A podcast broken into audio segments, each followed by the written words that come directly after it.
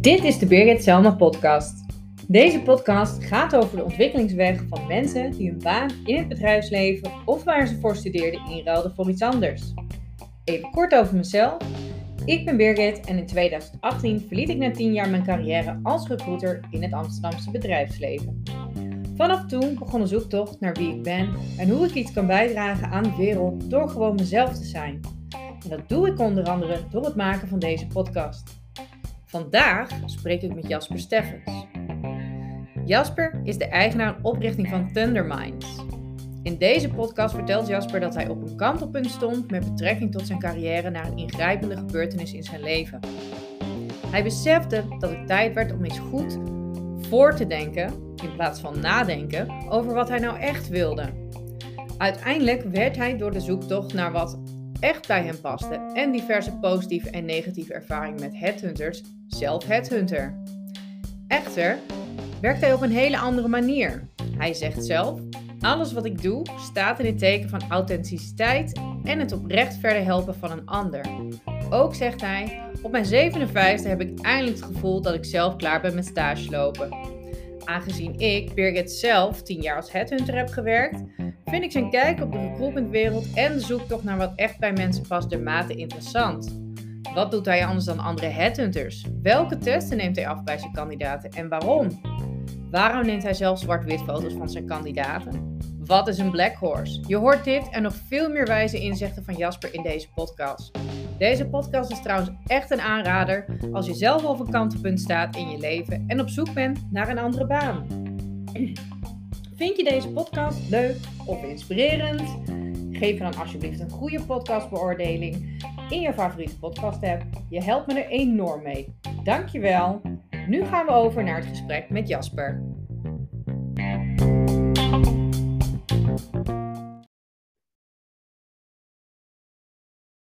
Hallo Jasper. Hi, Birgit. Hi.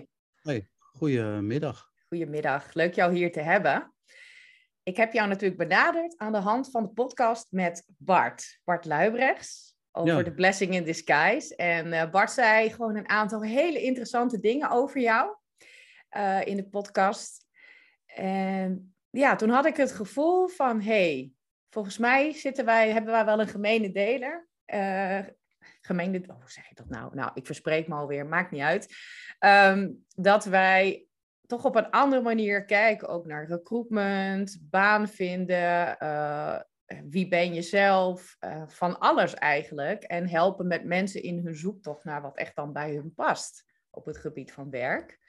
Um, jij kan veel beter vertellen wat je doet, dus uh, ga je gang. Nou ja, dank aan Bart voor het ongeveer zes, zeven keer noemen van mijn naam in de podcast. ja. Dat is bijna gênant. Um, maar Bart is een mooi mens die ik, uh, ja, die ik graag heb geholpen in, in zijn zoektocht. En uh, dat is ook heel fijn om met mensen die zoals Bart zijn, um, ja, die gewoon open zijn over hun gevoelens, om daarmee uh, ja, samen op, op pad te gaan naar wat past er nou werkelijk bij je. Mm -hmm. um, ik ben 57, um, redelijk een nieuwkomer denk ik in dit vak. Ik doe het nu vijf jaar. Daarvoor een achtergrond in de automotive, allerlei banen in de autobranche gehad. En um, ja, toen ik uiteindelijk stopte uh, als directeur bij een club, um, liep ik zelf aan tegen ongelooflijk veel bureaus die, ja, die mij helemaal niet faciliteerden in mijn zoektocht. En waarbij ik het idee had dat geld verdienen de primaire driver was, maar het mij helpen helemaal niet. Mm -hmm. en, en dat in combinatie met um, nou ja, het, het feit dat een van de beste headhunters van Nederland mij verder geholpen heeft in mijn zoektocht, kwamen een aantal dingen gewoon organisch heel mooi bij elkaar. En zo ben ik uh, uiteindelijk vanuit mijn innovatiebedrijf begonnen om steeds meer mensen te helpen met, uh, met hun persoonlijke zoektocht. Ja, mooi. En jouw bedrijf heet? Thunderminds. Ja, en ik heb een aantal sublabels, uh, onder andere directeurenwinkel, waarbij ik op een hele andere manier ja, toptalent aan de markt mag verbinden. Of naar de ja. markt. Ja. ja, en lefwijven volgens mij ook, hè?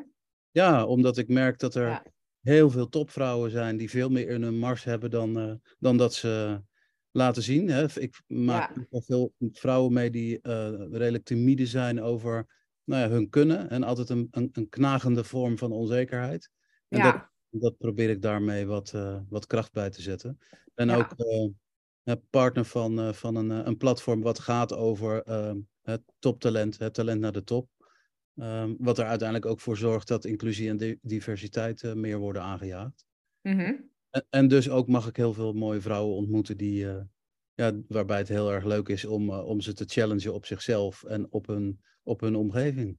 Ja. ja, mooi ook wel echt heel erg nodig. Ik zag dat toen, Lefwijf, ik denk, oh, dat is gaaf. dat vind ik dan zelf heel leuk. Hè? Als ik zelf nog in die zoektocht zag en, en er zoiets was, dat had mij wel getriggerd op positieve manier in ieder geval. Nou ja, uiteindelijk alles is marketing en, en heeft ook mm. met positionering van jezelf te maken. Hè? Dus, ja. Maar dat geldt natuurlijk in zekere zin natuurlijk voor uh, de activiteiten die ik onderneem ook. Dus ik probeer altijd wel de randjes op te zoeken um, ja, van dingen die opvallen of in ieder geval anders zijn. Ja, Ah, goed gelukt. Ja. Toch uh, wat dat betreft. Um, nou ja, jij hinterde net al, jij vertelde net al even heel kort hè, dat jij zelf dus stopte als CEO. En bij de traditionele headhunters uh, terechtkwam en dat je dacht, nou, die wil alleen maar deals maken. Uh, dat was in 2014, hè? Kan, ja. jij, kan je ons meenemen terug naar 2014 en, en vooral hoe dat voor jou was? Ja, nou, ik zat toen heel erg op een, op een soort van kruispunt van mijn leven. En uh, ja, wist eigenlijk niet goed hoe ik dat vorm moest geven. En weet je, het is ongelooflijk ingewikkeld als je op een gegeven moment vast komt te zitten hè, om, om bezig te gaan met het scheppen van je eigen, eigen toekomst. Ja. En, en, en natuurlijk ga je uh, kopjes koffie drinken met allerlei mensen, maar waar ik nu, um, zeg maar, hè, op mijn 57ste, heb ik echt wel een beetje het idee dat ik nu pas klaar ben met stage lopen.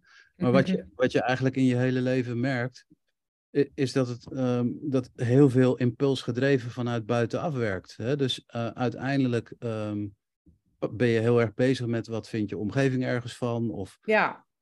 Ja, je wordt benaderd door uh, collega's of door bureaus of uh, mensen in je periferie. Hè, van zou je hier eens willen komen praten, kom een kopje koffie drinken.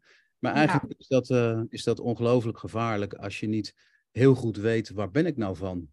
Hè, dus uiteindelijk de scherpe afkadering van je eigen brand. Hè, ik zeg ook altijd, je bent zelf een merk en je verbindt je aan een ander merk en je hoopt dat er, ja, dat er uitwisseling van kracht is. Hè, en uiteindelijk laat je je daar dan voor betalen.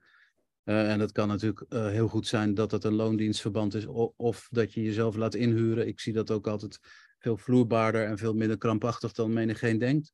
Dus dat is ook veel vloerbaarder. Uiteindelijk als je doet waar je uiteindelijk heel goed in bent, dan is de vorm waarin je betaald krijgt ondergeschikt.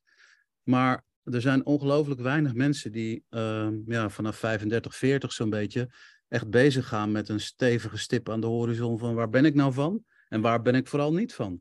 Ja.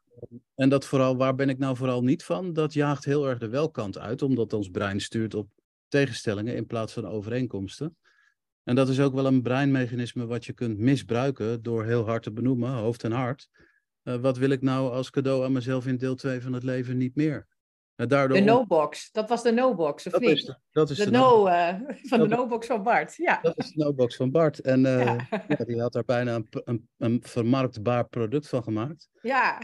Maar uiteindelijk ligt er ook gewoon een enorme analogie tussen daten boven de 40 en het vinden van werk wat bij je past. Namelijk, je weet als je aan een nieuwe relatie begint, uh, ook heel goed wat wil je nou niet meer in een nieuwe relatie. En dat is hetzelfde breinmechanisme. Ja, dus als je heel klopt. hard benoemt, hoofd en hart... Um, ik wil geen narcistische baas meer of ik wil niet meer in de file staan. Nou, dan zie je dat je uiteindelijk in je zoektocht uh, terechtkomt bij wat het dan wel zou moeten zijn. Mm-hmm. Maar dat doet niemand. He, dus uiteindelijk een ankerpunt in je leven maken he, op een bepaald moment van dit is wat ik niet meer wil en dit is wat ik heel graag wel wil. Ja, zo'n lijst maken, dat, uh, weet je, ik zie gewoon ongelooflijk veel kandidaten die de maandag tot en met vrijdag een stuk gevuld met meer van hetzelfde dat is overigens in werk de grootste catch-22. Alles wat je vaker doet dan twee keer, daar maakt je brein een proces van. En dat zet je creativiteit uit. Ja. Dus ik zeg ook, uh, probeer in je leven zoveel mogelijk alles wat je doet, of vaker doet dan twee keer, of wegprogrammeren of wegdelegeren. Maar probeer een appel te blijven doen aan het, op het steeds jezelf opnieuw uitvinden. Ja, wauw. Ja, dit resoneert enorm wat je zegt. Ja, het wat niet je niet meer wil ook vooral. Ja, maar dat was bij mij ook. Ik wist heel goed wat ik niet meer wilde. En vroeg je wat wil je dan wel? Dat weet ik niet. Maar ik ga het gewoon rustig uitzoeken. Ja.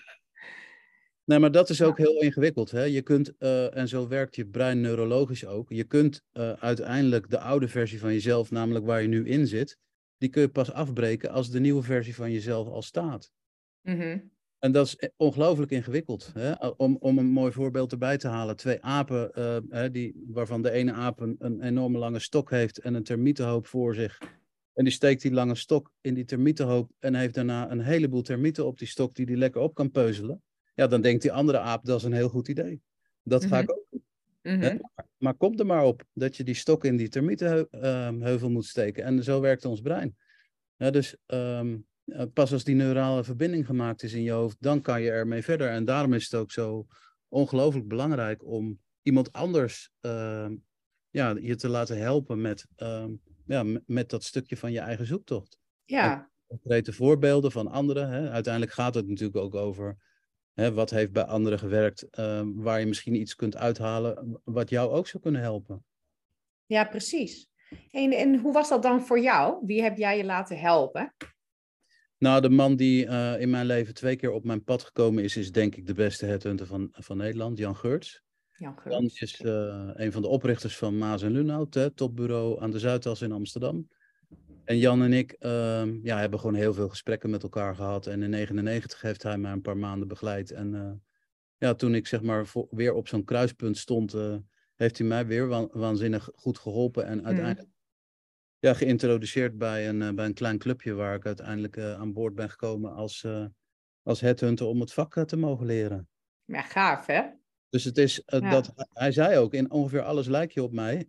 Um, je bent nu heel erg met die innovatieactiviteiten bezig, maar bedrijven die vooral uh, minder meer van hetzelfde willen, uh, de echte dwarsdenker zoeken om, omdat ze ja, vooruit willen en, en, en een andere visie willen op, uh, op heel veel vlakken. Ja.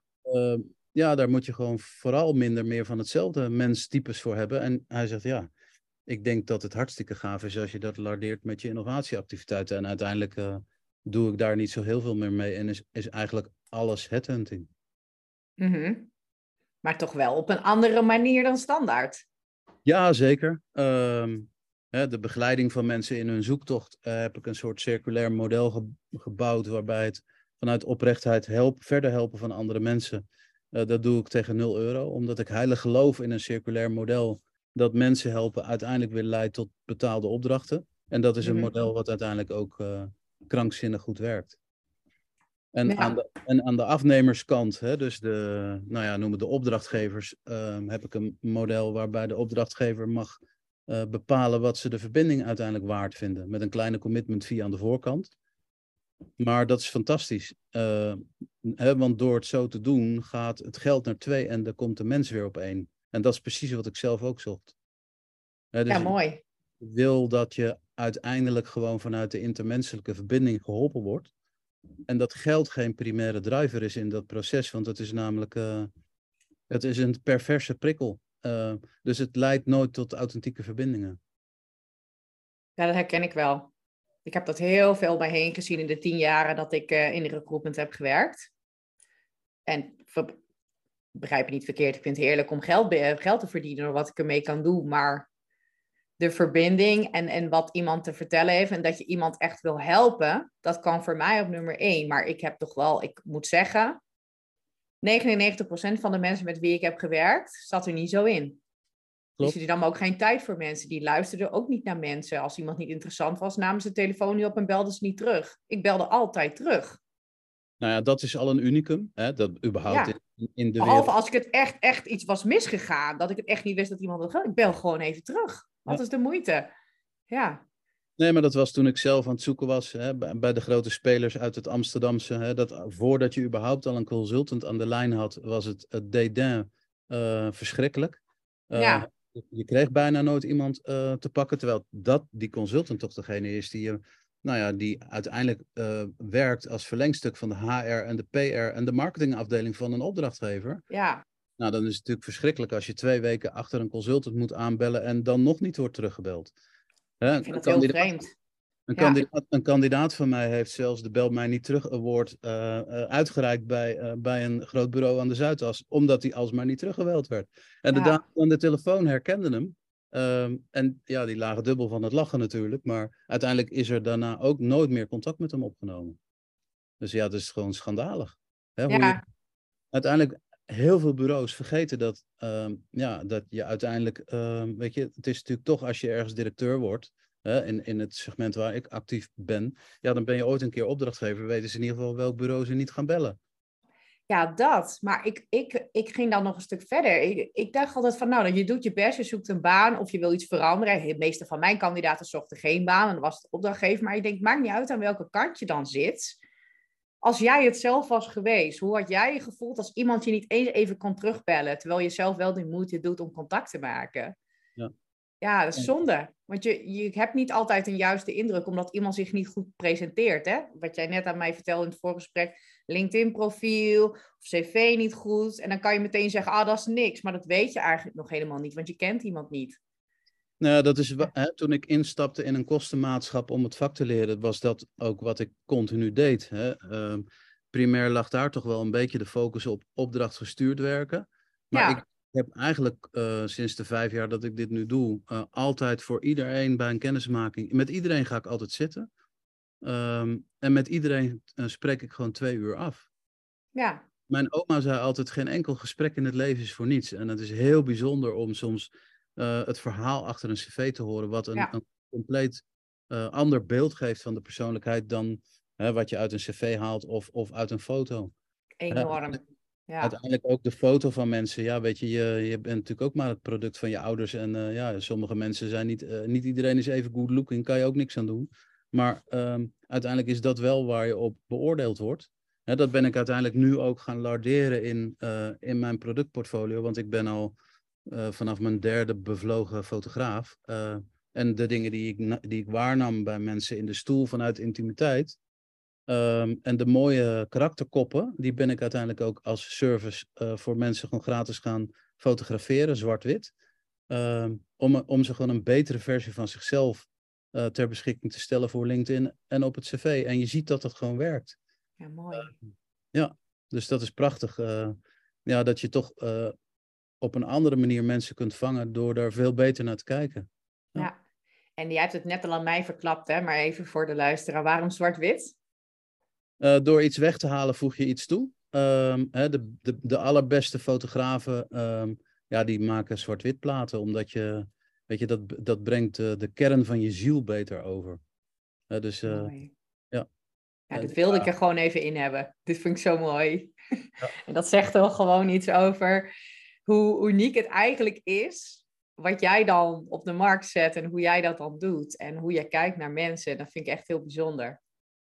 Eh, en, ik, en, en ik zie ook dat traditionele bureaus vooral werken als een Xerox copier. hè. dus we hebben een meneer of een mevrouw binnen een bepaald profiel en die proberen we zo snel mogelijk voor 50.000 euro elders weer in het ongeluk te duwen.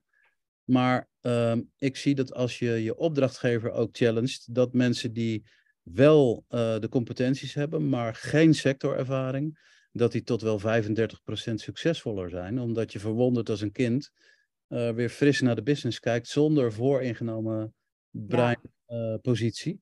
want je breinarchiefsysteem speelt je enorm parten in, eh, nou ja, meer van hetzelfde in een, in een sectorwissel. Of in, in een, hè, door niet te wisselen.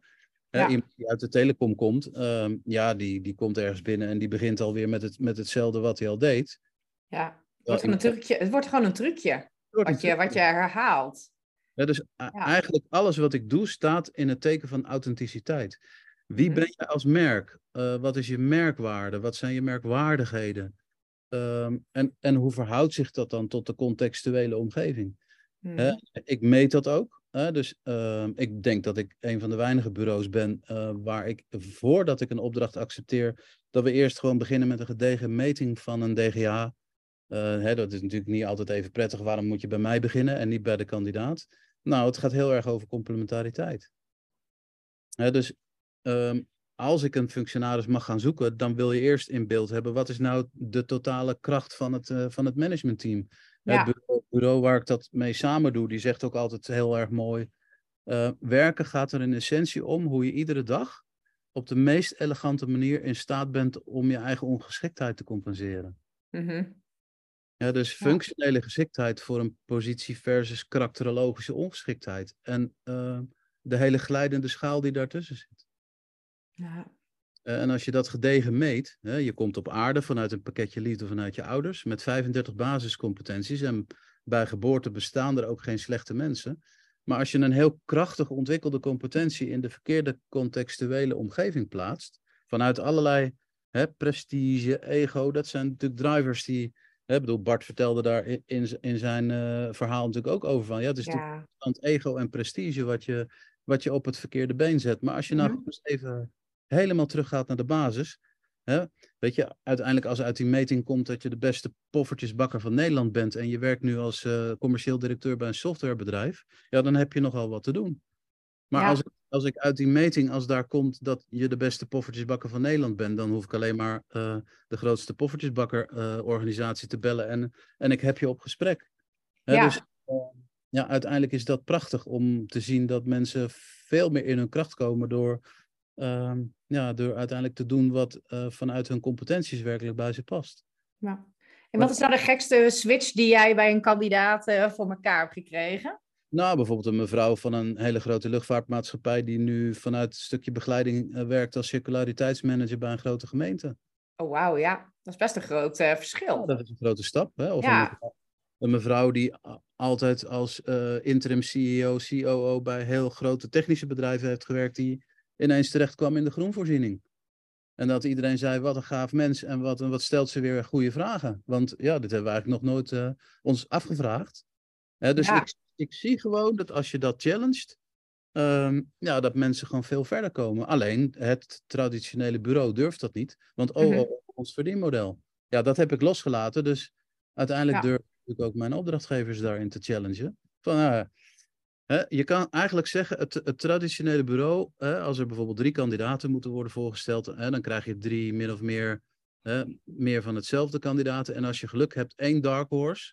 Ehm, maar ik ben eigenlijk van het liefst van drie dark horses, omdat je daarmee iedere organisatie verder brengt.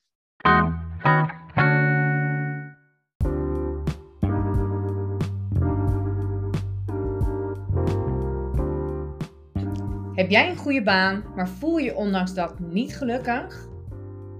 Kom je er maar niet uit wat je dan wel zou doen, hoe je het zou doen, wat je wil, wat je niet meer wil? En kun je wel wat hulp gebruiken bij het doorhakken van de knopen? Is het tijd voor jou om dat te doen? Maak dan gebruik van het gratis adviesgesprek met mij. Hoe maak je de afspraak? Ga naar birgitselma.com, ga naar aanbod en daaronder zie je een gratis adviesgesprek. Ik kijk ernaar uit om te horen wat je bezighoudt en hoe ik jou kan helpen. Tot dan!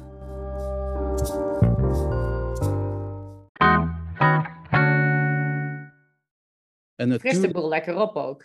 Ja, absoluut. En natuurlijk moet je de competenties hebben, maar dat meten we. dus we, we, valideren echt.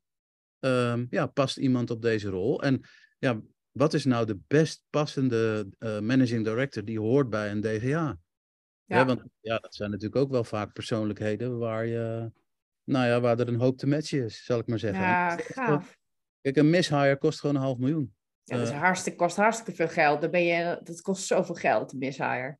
Daar zijn ze vaak ook niet van bewust, hè? Nee, het is totaal niet. Nee. Korte termijn uh, cashflow, maar, maar de, de, indirecte impact wordt eigenlijk veel te Zeker. Ja, maar, is ook. Dus, ja. dus zijn ook wel bureaus die er op zich wel voor openstaan uh, in Nederland. Hè? Als je een beetje kijkt, bijvoorbeeld No Milk Today. Uh, hè? Maar die, ja, weet je, die zeggen ook wel van ja, eigenlijk zouden we onze opdrachtgevers ook meer moeten challengen. Maar ja, als puntje bij paaltje komt, vinden we dat toch eigenlijk altijd wel weer ingewikkeld. Hm. En ik heb echt zoiets van, ja, weet je, ik, ehm, ja, ik, ik probeer dat echt wel te challengen. ja herken ik wel. Ik, ik had natuurlijk een bepaald stramien waar ik in zat, maar ik wist toch altijd wel. Hè, in het begin dacht ze echt, wat, wat is dit? Om toch wel die challenge en om echt wel dingen te zeggen ook bij die organisatie van, hey, dit heb ik over jullie gehoord, dit en dit, dit zie ik. Volgens mij klopt het helemaal niet. Vinden ze niet altijd even leuk. Hè? En ik had natuurlijk niet alle middelen die jij hebt en het was niet mijn eigen onderneming. Maar uiteindelijk werkte dat wel goed voor ook, hè, de, ik zie nog steeds mensen waar die ik ooit heb bemiddeld. En die hebben echt ja, dat is heel succesvol geweest op de lange termijn. Niet weer naar een jaar dat ze verder gingen zoeken als net de garantieregeling is afgelopen, om het zo maar te zeggen. Je kent het wel. Ja. Dat, dat, doet mij nog steeds goed. Ik zie dan op LinkedIn nog steeds voorbij. Ik denk, oh, ze zitten er nog. Het is nog leuk, weet je. Dat is gaaf. Ik vind dat echt kicken gewoon. En dat zijn meestal de vreemdere matches. Ja, die dat ja, uh, zijn. Dat is, dat is hartstikke leuk om te doen. Ja. En vanuit daar, hè, je hebt het over die garantieregeling. Hè? Ik bedoel, mijn eindnota stuur ik in heel veel gevallen ook pas na twaalf maanden. Ja. Omdat je dan weet dat je A, je huiswerk heel goed moet doen, maar B, dat er gewoon een veel duurzamere verbinding ontstaat. Lange dus termijn, wil, duurzaam. ik wil echt weg bij uh, hit en run. Dus uh, mm voorstellen, handtekening, uh, factuur erachteraan, schuifdeuren dicht. Heel hard weghollen, hopen dat het goed gaat. Ja, zo zit ik niet in elkaar. Nooit meer opnemen? Nee, ik vind dat ook verschrikkelijk. Zo ben ik zelf ook niet, maar ik heb gezien dat dat uh, toch veel gebeurt. Hey, even nog naar jou persoonlijk, want jouw bedrijf en hoe jij het doet, nou, dat heb je al best wel goed verteld. Maar ik ben eigenlijk nog wel even benieuwd, want jij bent dus toen door Jan Geurt eigenlijk geïntroduceerd en jij bent het hunting vak dan gaan leren. En jij vertelde ook aan Bart, die had best wel even een ego-dingetje wat in de weg zat. En dat heeft Bart natuurlijk zelf verteld. Uh, hoe was dat bij jou? Nou, ik, ik denk dat zeg maar, deze switch wel kwam op een kwetsbaar moment. Mijn vader was net overleden en ik, ja, mm. dat, was bij mij echt wel een soort van kantelpunt. Van, uh, ja. ja. weet je, wat wil je nou per se nog uit het leven halen? Ik ben de volgende die gaat, hè? Uh, live life to the max. Uh, pers er gewoon. Weet je, één ding is, wat ik ook wel van mijn vader geleerd heb. Mijn vader zei vooral, blijf voordenken en nadenken doe je maar in de kist. Mooi. ja, die kwam wel extra goed binnen dan toen die helemaal overleed, ja, of niet? Ja, en ga vooral ook niet dood met spijt. Hè? Dus uh, ja. pers jezelf gewoon tot het uiterste. Ja, en mijn, mijn vader is echt wel de driver geweest achter, uh, nou, het moet gewoon anders en ik moet ook andere dingen gaan doen. Uh, hè, waarbij ik ook het geld wat meer heb losgelaten. En het gekke is, door het loslaten komt het vanzelf toch wel weer goed. Ja, uh, dan komt het wel weer naar je toe. Ja angst is drie keer sterker dan geluk. En ik merk dat ook wel heel veel bij kandidaten. Hè? Uiteindelijk mensen die in hun periferie ongelooflijk veel mensen hebben die zeggen: joh, weet je wat jij zou moeten doen? Voor jezelf beginnen. Ja, maar de hypotheek en de kinderen. Ja, die hoor ik ook altijd. Of de hypotheek in ieder geval, of mijn baan, of mijn cv, of mijn ouders heb ik dan nog bij de jongere mensen. Maar ja, in die end, maar ik heb mijn vader ook verloren toen ik 31 was. En daarna ben ik dus ook in transitie gegaan. Toen voelde ik ineens, ja, wat ben ik nou aan het doen? dit klopt gewoon niet meer voor mij. Dat is echt zo'n luik wat open gaat of zo. Uh, maar het, is, is bijzonder dat, uh, nou ja, gewoon hele heftige gebeurtenissen in je leven, dat, dat wel een, een driver zijn achter uh, de zoektocht. En ik, ik merk ook dat, dat heel veel kandidaten, zeg maar, na COVID heel anders zijn gaan. Hè, die hebben mm. wat meer tijd besteed met het gezin. ja. Ook anders kijken naar balans. Hè, wil ik, hè, bedoel, het grappige is, als je, hè, ook in het verlengde van Bartse niet luistert, als je tegen jezelf zegt van ik heb gewoon geen zin meer om in de file te staan, uh, dat je dat uiteindelijk heel makkelijk kan realiseren. Ja. Ik huur een kantoor bij mij aan het eind van de straat en mijn woonwerkverkeer is 60 seconden, deur tot deur.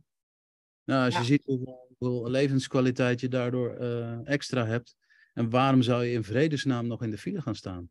Hè, is ook. Ja, ik heb het helemaal. Ik bedoel, ik sta nooit in de file. ik heb tien seconden reistijd uh, van de woonkamer naar mijn kantoor. Dat is fantastisch. Ja, ik vind het heerlijk. Ja, ja uh, belangrijke gebeurtenissen. Uh, daarom raad ik iedereen aan de, hè, dat als er iets ehm, heftigs gebeurt in je leven, om, om te kijken van zijn er dingen die, ja, die je wil veranderen. Ja, het is een mooie aanleiding ook om, om dingen ook vaak weer goed te doorvoelen. Hè? Je wordt ook uit je gewone doen, je wordt uit je uit je standaard systeempje gehaald of zo. Het is heel krachtig, die, uh, die rouw en die emoties. Ja, en als je kijkt naar uh, hoe de week gewoon gevuld is en, en, en, en zaterdag, zondag met uh, boodschappen doen, sporten, bezoek vader, moeder. Ehm, ja, wanneer ga je dan over jezelf voordenken? En mhm. meestal zijn dat dan de vakanties dat je even weer wat adem hebt van ja, dit wil ik eigenlijk allemaal anders, maar ik zou niet weten hoe ik het, ja, hoe ga ik, mm. waar, ga ik dan beginnen? Herkenbaar. Had jij dat ook heel erg? Als je dan op vakantie was op een gegeven moment dat je voelde of... Ja, dat wilde ik na vakantie eigenlijk helemaal niet meer terug. Ja, ik herken dit zo. En, en, en, en, en, de zondagavonden dat je denkt, oh, daar gaan we weer. Ik heb lange tijd uh, heb ik bij de Telegraaf gewerkt in Amsterdam. Hè? Soest, uh, Amsterdam, mhm. westelijk havengebied, ja, 43 kilometer. Maar ja, ik, ik deed daar ruim anderhalf uur over in de, in de slechte tijd op de A1. Oh ja. En we waren allebei vrijwilliger bij een openluchttheater hier uh, in Soest. En uh, ja, dan had je een voorstelling en dan was het van ja, kom, ben ik wel op tijd terug? Huh? Ja. Ja. Ik weet niet of het tegenwoordig een goede tijd is van de A1, maar het is, uh, het is een drukke, ba drukke baan, om het zo maar te zeggen, drukke weg. Ja, Ik, ik, herken dat soort baksteen in je buik, dat je dan maar weer toe moet zetten. En uh, ja, daar, dan op een gegeven moment vraag je jezelf af van, gaat, gaat het leven hier dan over? Is dit dan hoe het elke week weer moet zijn op zondag? Of na de vakantie? Is toch zonde? Nou ja, en ego en prestige uh, wordt natuurlijk ook gewoon geladen vanuit vriendengroepen, uh, waar mm. mensen zeg maar, uh, ja, gewoon veel mee om, optrekken. Ja, zeker. Maar je ziet ook dat levenspartners soms enorm contraproductief kunnen zijn op het werkgeluk van iemand. Hè, die, ja tot en met uh, nou ja, bijna het in geld gegijzeld houden van iemand. Ja, zeker. dus uh, een BMW 5-serie is nog te klein. Het huis moet minimaal twee keer zo groot. allerlei verkeerde drivers. Terwijl, weet je, uiteindelijk kan dat best het gevolg zijn van het feit dat je doet waar je heel erg blij van wordt. Ja. Maar het moet natuurlijk niet de primaire driver zijn. Nee, het is vaak andersom. We hebben dit allemaal al, dus dit moeten we behouden. Dus jij mag niks anders gaan doen. Het kan me niet schelen dat je ongelukkig bent. Dat is vaak eigenlijk wat er gezegd wordt. Het is een soort gouden kooi. Of die je zelf oplegt, of je, via je vrienden die je zelf oplegt, of dat je dat accepteert van je partner omdat hij je dat oplegt. Want die wil niet oncomfortabel zijn. Nee, en de, ja, en de kinderen. En uh, ja, bedoel, we weten het allemaal, ieder kind kost hè, om het op te voeden natuurlijk toch wel een behoorlijk bedrag. Maar ja, je ziet dat dat allemaal dingen zijn die mensen in de weg zitten. En ik merk ook veel ondernemers. Ja. Hè? Ja. Er zijn ongelooflijk veel ondernemers die ik mag begeleiden. Allemaal zo'n beetje vanaf, nou, 50. Ja. die met het mes op tafel de onderneming van vader of moeder hebben moeten overnemen. En er oh was, oh, ja.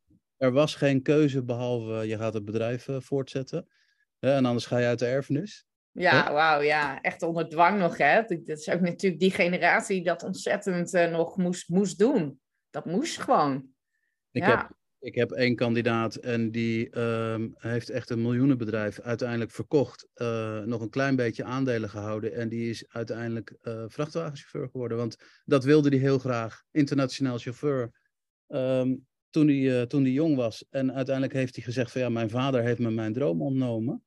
Um, dus ik, ik koop gewoon een, uh, een, uh, een grote truck en ik ga internationaal rijden als vrijrijder. En die zegt, uh, nou, ik heb, ik heb een, een, een heerlijk leven nu. Dit is wat ik eigenlijk altijd heb gewild.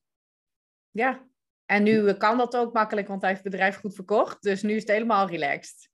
Ja, één grote vakantie. Ja, leuk. Mooi hè? Dat is zo'n ander perspectief en zo'n andere manier hoe daar vaak naar gekeken wordt. Ja, leuk. Ja, heel mooi. Heel mooi. Ja, het is toch echt uh, prachtig dat zulke dingen toch steeds meer en meer gebeuren. Mede dankzij jou. Nou ja, ik, ik, Weet je, ik, kan, ik kan daar natuurlijk maar een heel klein beetje aan bijdragen. Maar ja, ik word echt uh, ongelooflijk blij als mensen echt zichzelf buiten hun eigen comfortzone weten te plaatsen. En, uh, en bijvoorbeeld hun eigen onderneming starten. Ja. Ja, dat, Is, ja, dat is heel gaaf om te zien hoe mensen zich dan uh, ontwikkelen.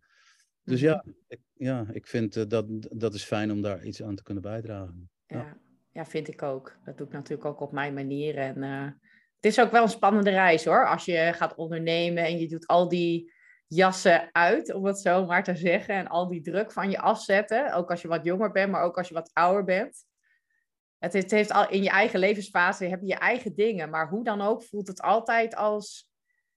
Ja, je voelt altijd angst en, en de projecties van andere mensen ook op wat je zou moeten doen, dat vond ik nog het lastigste. Ja, nou ja, en iedereen heeft angst. Alleen het is natuurlijk, uh, ja, hoe ga je daarmee om? Hè? Ik bedoel, als je mhm. van jezelf begint, ja, dan heb je ook niet het salaris op de 25ste. Dat gaat natuurlijk alle kanten op. En je moet, uh, hè, zeg maar, uh, januari tot december gewoon een beetje zien dat het gemiddeld genomen allemaal ja. weer komt. En ja. uiteindelijk ja, toen ik het eerste rondje, het eerste jaar, hè, je komt natuurlijk ook met allerlei fiscale dingen in aanraking. Ja, dat is heel interessant. en, dan heb je net goed geboerd en dan krijg je even een voorheffing van de fiscus, weet je. Hè? Ja. dat soort uh, dingen allemaal. Ja. Maar ja, uiteindelijk als je, dat, eh, als je een paar rondjes gedraaid hebt, dan word je er niet meer warm of koud van. En dan denk je, wat ben ik eigenlijk een oelewapper dat ik uh, zo lang gewacht heb om voor mezelf te beginnen. Terwijl iedereen hè, in je omgeving dat al jarenlang geroepen heeft. Ja. Uh, ja, dat probeer ik vooral bij mensen wel een beetje weg te nemen. Als er, wij meten dat ook echt. Hè, hoeveel procent ondernemer ben je 0 tot 100 procent? Oh, interessant. Ja, als op de schaal uh, iemand uitkomt, zeg maar, hè, boven de 70% uh, eh, ondernemer, dan zeg ik ook, ga vooral uh, niet nog in loondienst voor, voor iemand, iemand anders zijn droom waarmaken, maar ga het vooral voor jezelf doen. Ja, ja heel interessant. Wat gaaf dat je dat tegenwoordig kan testen. Hè? Als ik nu terugdenk aan de, toen ik zo met mezelf in de knoop zat, nou ja, ik heb het eigenlijk bijna allemaal zelf uitgezocht. Maar ik voelde gewoon, ik wil niet meer iemand anders droom waarmaken. Ik wil mijn eigen droom waarmaken. En andere mensen helpen om dat ook te doen. Wat het dan ook mag zijn. Dat vind ik het gaafst. Ik ben toen gewoon als duikinstructeur gaan werken twee jaar. Ik wist het niet. Ik denk, nou, dit vind ik mooi. En dat geeft me de tijd. En ik heb in ieder geval het dak boven mijn hoofd en eten. En ik, ik ben gewoon aan het doen wat ik het liefste doe. En toen kwam dit idee. Maar dat heeft ook even tijd nodig gehad. En me losgemaakt hè, uit het dagelijks leven in Nederland. Ik denk ook dat de CITO-toets zou je eigenlijk moeten vervangen door een hele gedegen talentanalyse zoals wij die nu gebruiken. Ja. Weet je, je, je bent zo ongelooflijk veel tijd aan het verprutsen in hoeken waar, en gaten waar je niet thuis hoort, uh, in heel veel gevallen. Omdat uh, als je HAVO, VWO en, en ja, waar ben je nou eigenlijk voor op aarde? Ja. Ik, ik, wist wel heel goed dat ik, dat ik iets wilde met hoofd, hart en handen. En na het Banis Lyceum wilde ik eigenlijk tandheelkunde gaan studeren. Nou, ik had nooit de link kunnen leggen naar wat ik nu doe. Nee. Terwijl hoofd, hart en handen allemaal wel terugkomen, uiteindelijk in een andere vorm in, in wat ik nu doe. dus ja, ik gun iedereen op zo'n jong mogelijke leeftijd zo'n gedegen analyse. Um, om dan te weten waar ben je nou echt voor op aarde. En geen tijd ja. te prutsen met dingen waar je uiteindelijk uh, niks veel wijzer van wordt. Ja. ja. ik heb helemaal kippenvel. Ik ben het zo met je eens. Ik vind het echt heel mooi. Ja, ik vind het gewoon ook, uh, als ik daar dan aan denk, hoe dat als kind dan is. En ik zie dat het nu nog veel heftiger is op school. Ik zie dan die kindjes met die rapporten en bepaalde dingen en die CITO en weet ik het wat. En dan denk ik, ja, wow, het gaat wel ver hoor nu. En met name natuurlijk ook dingen leren waar je uiteindelijk um, niks mee kunt of niks mee wil. Of we zitten natuurlijk nu toch met een generatie die zegt van waarom zou ik het leren als ik het kan googlen. Uh, ja, Weet je, uiteindelijk moet je doen waar je ongelooflijk blij van wordt. En daar, uiteindelijk het schoolsysteem sluit steeds minder aan bij talenten van mensen. Hè? Dus waar ligt nou de kern van je talent? Mm. En uiteindelijk ook, hè, of, je, of je praktisch opgeleid bent en, en dat heel erg leuk vindt om gewoon hè, scheppend bezig te zijn. Ik bedoel, er is menig uh, managing director slash CEO die uiteindelijk ultiem blij wordt van het feit dat hij in het weekend een kippenhok mag timmeren. Uh, en er trots op mag zijn dat er een kippenhok staat wat hij zelf gemaakt heeft. En dat de kippen er niet uit weglopen. Ja. En dat het ook nog een beetje smoelt. Dat maakt mensen soms ongelooflijk trots. En die trots, uh, ja, weet je, dat zijn ook wel heel veel mensen verloren. Ja, zeker. Maar er is ook zo'n mening en zo'n taboe op. Je bent hoog opgeleid, dan ga je dat toch niet doen? Je maakt toch niet je handen vuil? Ja, hoezo niet? Als ik dat leuk vind. Maar dat is, was op een gegeven moment moest iedereen hoog opgeleid zijn. Of dat het enige is wat telt, beetje zo'n idee. Nu uh, krijg je niet meer volledige studiefinanciering, dus het zal nu al een beetje overgaan. Maar ja, ja het is wel dat je denkt, hmm. Mijn oma zei eigenlijk altijd al van uh, je moet zorgen dat je zowel met je hoofd als met je handen iets kunt. Dus zorg dat allebei, uh, nou ja, dat, dat je allebei met allebei wat kunt. Ja. Oh ja, dat is best een handige instelling. Dus ja, enerzijds uh, zeg maar bezig zijn met je hoofd en anderzijds gewoon veel klussen en in het weekend uh, technische dingen doen. Dat is iets wat, wat ik mijn hele leven eigenlijk al gedaan heb en dat is, geeft heel veel voldoening. Ja. ja, snap ik. Want het is ook heel leuk dat je zelf ook dingen kan. Ja. Het geeft best een kick. Ja. ja. ja. En je kunt. Dat is net als met werk. Uh, uiteindelijk kun je vaak veel meer dan wat je zelf denkt. Nou, zeker. Zeker. Het is alleen even dat je door die angsten heen moet en, en de durf moet hebben om, om het te gaan ontdekken. En inderdaad ook gewoon wel hulp aannemen van iemand die je daarbij kan helpen. Het allemaal zelf wel uitzoeken is best wel moeilijk. Ja, waarbij het natuurlijk wel moet klikken en, en moet passen. Dus uh, ja, ik denk. Niet alles van iedereen zomaar aannemen, want er is ook heel veel bullshit wat op je afkomt. Ja. Nou ja, kijk naar Lubach hè, over coaching. Ehm, ik, ja, daar kijk ik dus nooit naar die fans. Ik vind dat een verschrikkelijke vent. Denk ik, hou jij je mond maar. nee, maar goed. Hè, er zijn ongelooflijk veel mensen die zich opwerpen als coach. Uh, ja, terwijl uiteindelijk um, diezelfde krassen op de ziel niet hebben of uh, de juiste dingen niet hebben meegemaakt, waardoor je ja. anderen er echt verder kunt brengen. Klopt ook wel. Klopt ook natuurlijk. Maar, uh, het is altijd uh, hoe je kijkt. Ja. Dus, maar goed. Moet Lubach ook met een korreltje zout nemen. Precies. is ook een beetje satire, ja, weet je. Ja. Daar moet een beetje op kunnen lachen. Dus uh, ja, jeetje. Um, ben ik nog iets vergeten te vragen, Jasper, waarvan je zegt, oh, dat wil ik nog heel graag in de podcast hebben? Um, nee, want ik denk dat we alles al wel een beetje aangestipt hebben, uh, hè, behalve dat stuk uh, analyse. Oh ja.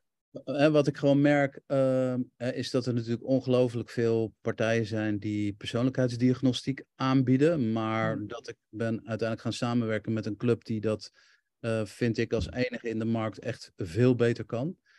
Omdat bijna iedere uh, meting een soort van integraal meting is en aangeleerd gedrag en overlevingsmechanismen van mensen niet, uh, ja. niet kunnen worden geïsoleerd.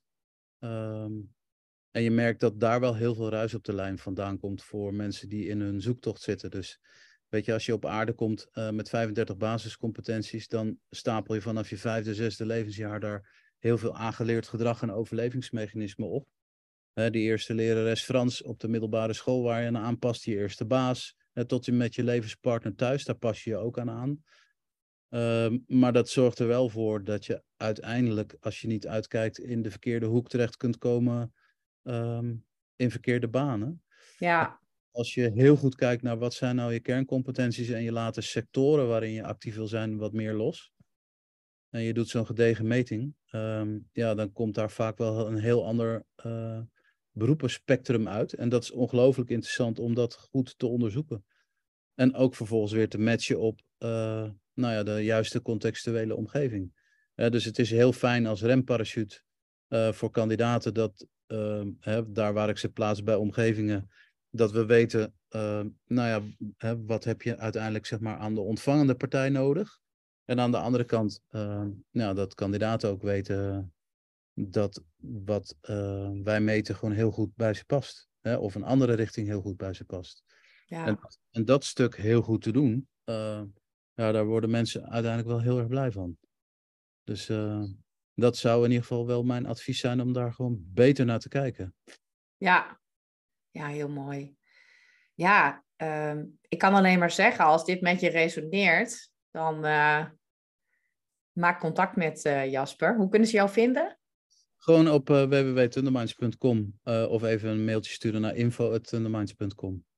Ja, ik zet je website zet ik nog even onder de podcast, mocht ze het niet goed gehoord hebben. Of op LinkedIn natuurlijk. Ja. ja. of LinkedIn ben je makkelijk te vinden natuurlijk. Dus ja, heel goed. Wil jij er tot slot nog iets toevoegen, iets meegeven naast wat je net al hebt gezegd? Voordat nou, je op het punt staat nu? Ik, ik denk dat het goed is om, uh, om jezelf om de vijf jaar proberen opnieuw uit te vinden. Dus um, ja, wacht ook niet te lang um, hè, met het blijven hangen in meer van hetzelfde. Um, dus ja, probeer eigenlijk jezelf elke vijf jaar opnieuw te challengen op jezelf. En ook wat minder af te gaan op wat anderen van je waarnemen. Want hè, uiteindelijk het gedrag wat iemand bij je, bij je waarneemt, dat is ook niet je ware persoonlijkheid. Want daar zit... Uh, dat filter tussen van aangepast uh, of aangeleerd gedrag en overleving. Ja, mooi. Dus dat? Jezelf opnieuw uitvinden elke vijf jaar. Jezelf ja. challengen. Ja. Dat vind ik het mooi. Dankjewel. Ja, jij ook bedankt. Ja, ik vond het echt een heel leuk gesprek. Heel erg bedankt. En uh, ja, vragen, opmerkingen naar Jasper. Of als je denkt, nou, ik wil eens met Birgit spreken, kan naar mij. Ja. De linkjes staan gewoon allemaal onder podcast. Dus uh, als je in contact wil komen met Jasper, is dat heel makkelijk. Oké, okay, dankjewel. Nou, fijne dag. Niet te Hetzelfde. Doeg. Hoi.